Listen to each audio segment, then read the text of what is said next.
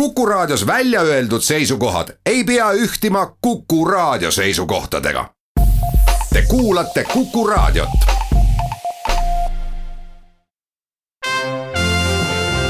Tallinna Filharmoonia esitleb Filharmooniline huvitaja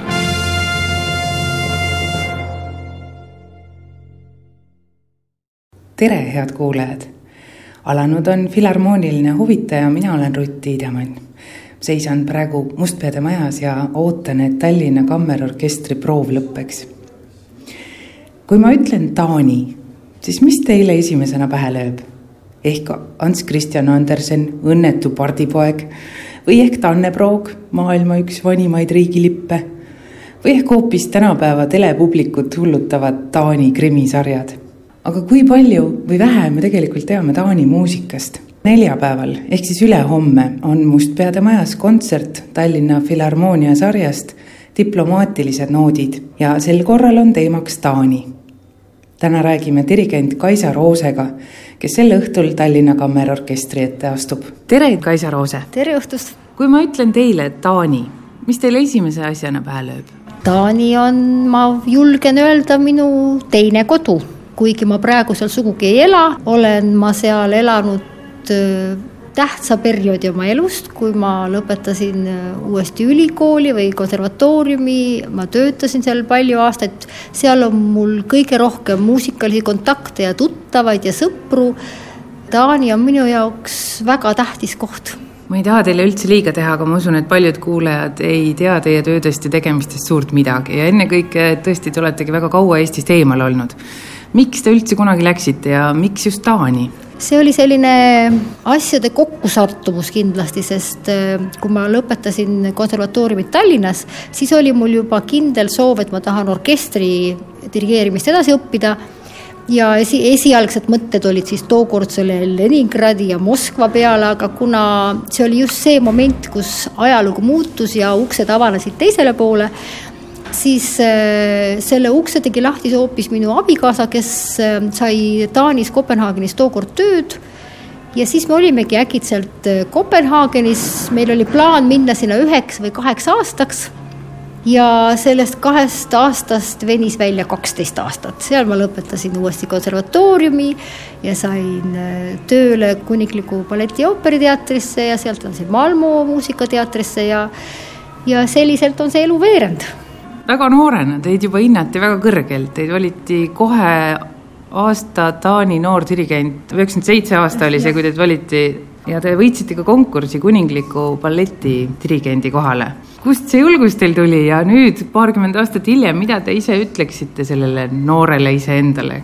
ma arvan, et ma ütleks sama, mida tookord ütles mu õpetaja ta ütles, et kuna mulle see esimene, enne kui ma selle konkursi üldse võitsin, olin ma ühe sellise dialemma või küsimärgi ees, et mulle pakuti paari etendust juhatada, kus ma ei oleks ühtegi proovi saanud, ma oleks pidanud lihtsalt etendused üle võtma. ja kuna see oli selline kaasaegne ballett, see oli päris komplitseeritud partituur, siis ma ei julgenud ise seda otsust teha. ma läksin oma õppejõu juurde ja küsisin, et mis sa arvad, kas ma saan selle teosega hakkama ilma proovita ja ta ütles mulle, et ma arvan, et ei saa. ja siis ma olin nagu veel suurema dialemma ees, et kas ma nüüd äh, olen see julge ja ikkagi võtan selle töö vastu või ei. Äh, ja ma arvasin ja otsustasin ja ütlesin ka teatris, et kui teie olete nii julged seda mulle pakkuma, siis mina olen sama julge seda vastu võtma nii et lõpptulemus ma ütlesin jaa ilma proovita, aga ma sain oma proovi. Nüüd ma vaatan tagasi ja mus tekitab see palju enam kõhedust kui tookord. tookord ma oskasin vähem karta, sest siis ma olin ikka üsna roheline leht. see oli mu esimene etendus teatris. kuidas läks? väga hästi läks ja tänu sellele avanesid paljud uksed ja tänu sellele olin ma ja kutsuti mind ka sellele konkursile ja tänu sellele ma arvan ka, ma võitsin selle konkursi, sest siis oli mul nii-öelda juba käsi valgeks tehtud Te peate väga-väga eriline olema, et ei ole mingi saladus, et äh, räägitakse, et isegi juba lihtsalt sellepärast, et sa oled naine, on dirigendina raske läbi lüüa ja te olete veel võõras riigis ja teil on väga hästi läinud. mis see teie võluvõti on?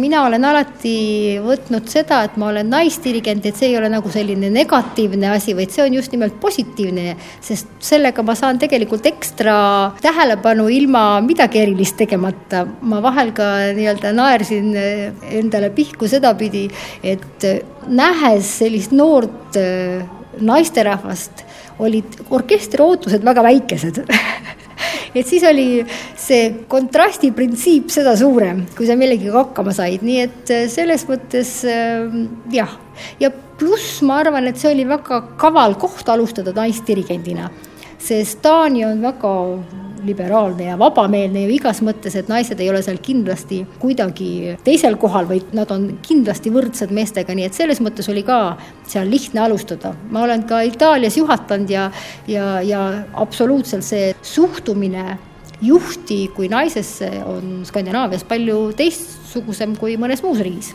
mis tundega te Eestisse tulete tööd tegema, on see pigem selline suurem vastutus või vastupidi, on selline hea soe tunne jälle koju tulla, nii-öelda omade juurde nagu? kindlasti on tore koju tulla ja õudselt tore on näiteks minna kontserdile ja, ja kõik su vanad koolikaaslased ja õpetajad saad sa kontserdile kutsuda ja ka palju muusikuid on ju need, kellega ma olen koos äh, õppinud ja aga ma ei oskagi öelda, ega ma nüüd ju nii palju ei olegi siin Eestis käinud ja mänginud, et. miks te ei ole käinud?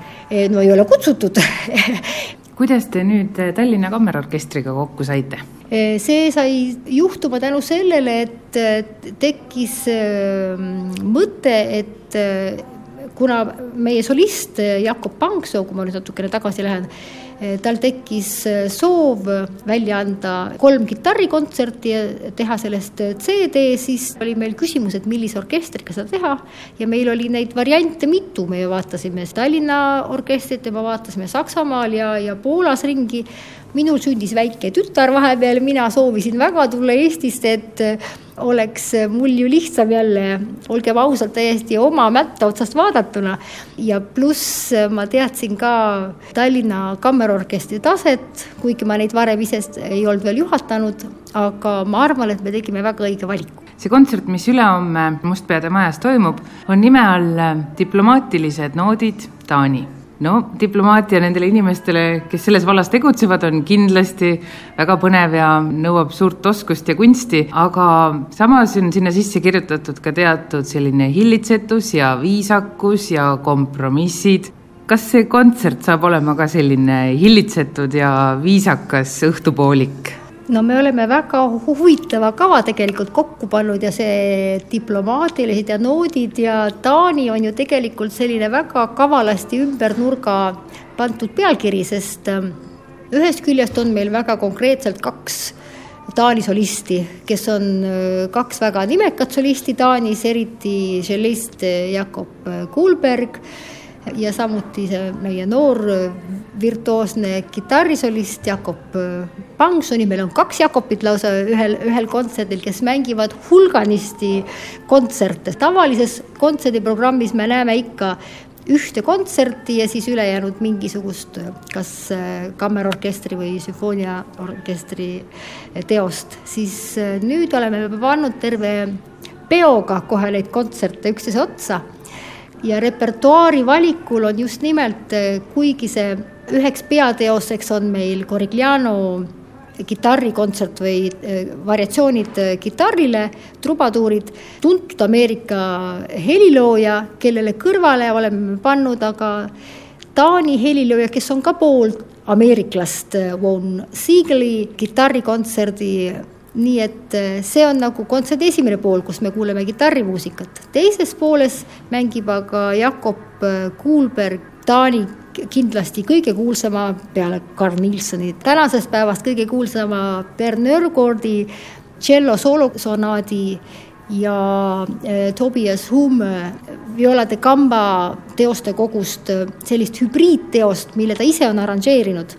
kuna Jakob ise on selline Bern Nürgoldi peaaegu et ihu tšellist, siis äh, ja ta üsna palju on arranžeerinud erinevaid asju, siis see näitab ka, kui, kui palju see helilooja teda usaldab, et ta oma teosega sellist äh, trikki laseb teha, ma olin üsna skeptiline alguses, kui ma sellest teosest kuulsin, aga ma olen nüüd ka kuulnud, et see, ta on seda Taanis ka esitanud ja seda on äh, vägagi hästi vastu võetud. et see renessanss ja kaasaegne muusika kokku panna, väga põnev süntees. ja kontserdi lõpetame hoopistükkis Šostakovitši tšellokontserdiga, seda me oleme Jakobiga koos juba kohe päris mitmel korral mänginud ja see tundus sellise põneva energialaenguna sinna sellele kavale otsa kes on need taanlastest muusikud, kes siis üles astuvad siin koos Tallinna Kammerorkestriga? esiteks ma mainiksin Jakob Pangsööd, kes mängib kontserdi esimeses pooles, on noor kitarrist, väga andekas, palju konkursse võitnud äh, ja tema selliseks äh, ideaaliks ongi just nimelt äh, mängida orkestriga. see omakorda kindlasti nõuab seda, et ta peab leidma endale heliloojad, kes talle lugusid kirjutavad, kindlasti me leiame kitarrikontserte, aga neid on üsna ikka näppude peal üles lugeda. Ja samas on tema mentoriks ja konsultandiks Jakob Kuulberg, kes ise on tšellomängija, aga kes tegutseb küll miljonil rindel, kes on väga huvitatud uuest muusikast. Ta on väga hinnatud õppejõud, ta töötab nii Taanis kui Norras kui Inglismaal, ta on suurepärane solist, väga kogenud muusik ja väga emotsionaalne muusik, temaga on niivõrd põnev koos mängida, sealt saab ise nii palju inspiratsiooni, et mitmeks ajaks. üks nendest teostest, mis me nüüd esitame, Corigliano kitarrivariatsioonid, trubaduurid, on tegelikult oma ülesehituselt väga põnev teos ka selle tõttu, mida on ka kuulajal nii kuulata kui, kui isegi visuaalselt eh, teisem kuulda ja näha, kuna osa orkestrist on hoopis asetatud eh, lava taha, off-stage. enamus keelpilli osa on meil laval, aga metsasarved ja, ja fagotid ja üks löökpillimängija mängivad hoopis uste taga peidus, et sellest tekib selline ka rütmiline kõlapilt on hoopis vastu ülejäänud orkestrile, nii et see on üks väga põnev teos esitada nii dirigendile kui orkestrile. see ühest küljest on väga erinevatest teostest kokku pandud kontsert ja ma tegelikult loodan väga, et tänu sellele me ka leiame publikut, kes on nii-öelda avatud ja ootab ja otsib midagi uut ja põnevat, sellepärast et eh, nii Wound Siegel kui Corigliano on täiesti erinevatest maailmadest, siis me liidame sinna kokku hoopis uue ja renessansi selle soolotükina tšellole ja lõpetame hoopistükkis Šostakovitšiga, nii et, et tegelikult on kohe lausa igale ühele miskit eh, ja avastamist ja, ja uudistada igale maitsele see on siis ülehomme õhtul, kahekümne kolmandal novembril kell seitse õhtul Tallinna Filharmoonia Mustpeade Maja Valges saalis kontsert Diplomaatilised noodid Taani. suur aitäh, Kaisa Roose, ma loodan, et sellest tuleb äh, just nimelt põnev õhtu ja see kõik õigustab ennast, et on nii palju erinevaid loojaid kokku pandud ja tekib uus ja huvitav sünergia. mina loodan ka, et me saame palju publikut just tänu sellele, et meil on palju huvitavat ja erinevat kokku pandud ja ootan kõiki kontserdile, tulge kuulama aitäh, head kuulajad, soovin teile toredat päeva jätku. Tallinna Filharmoonia esitleb Filharmooniline huvitaja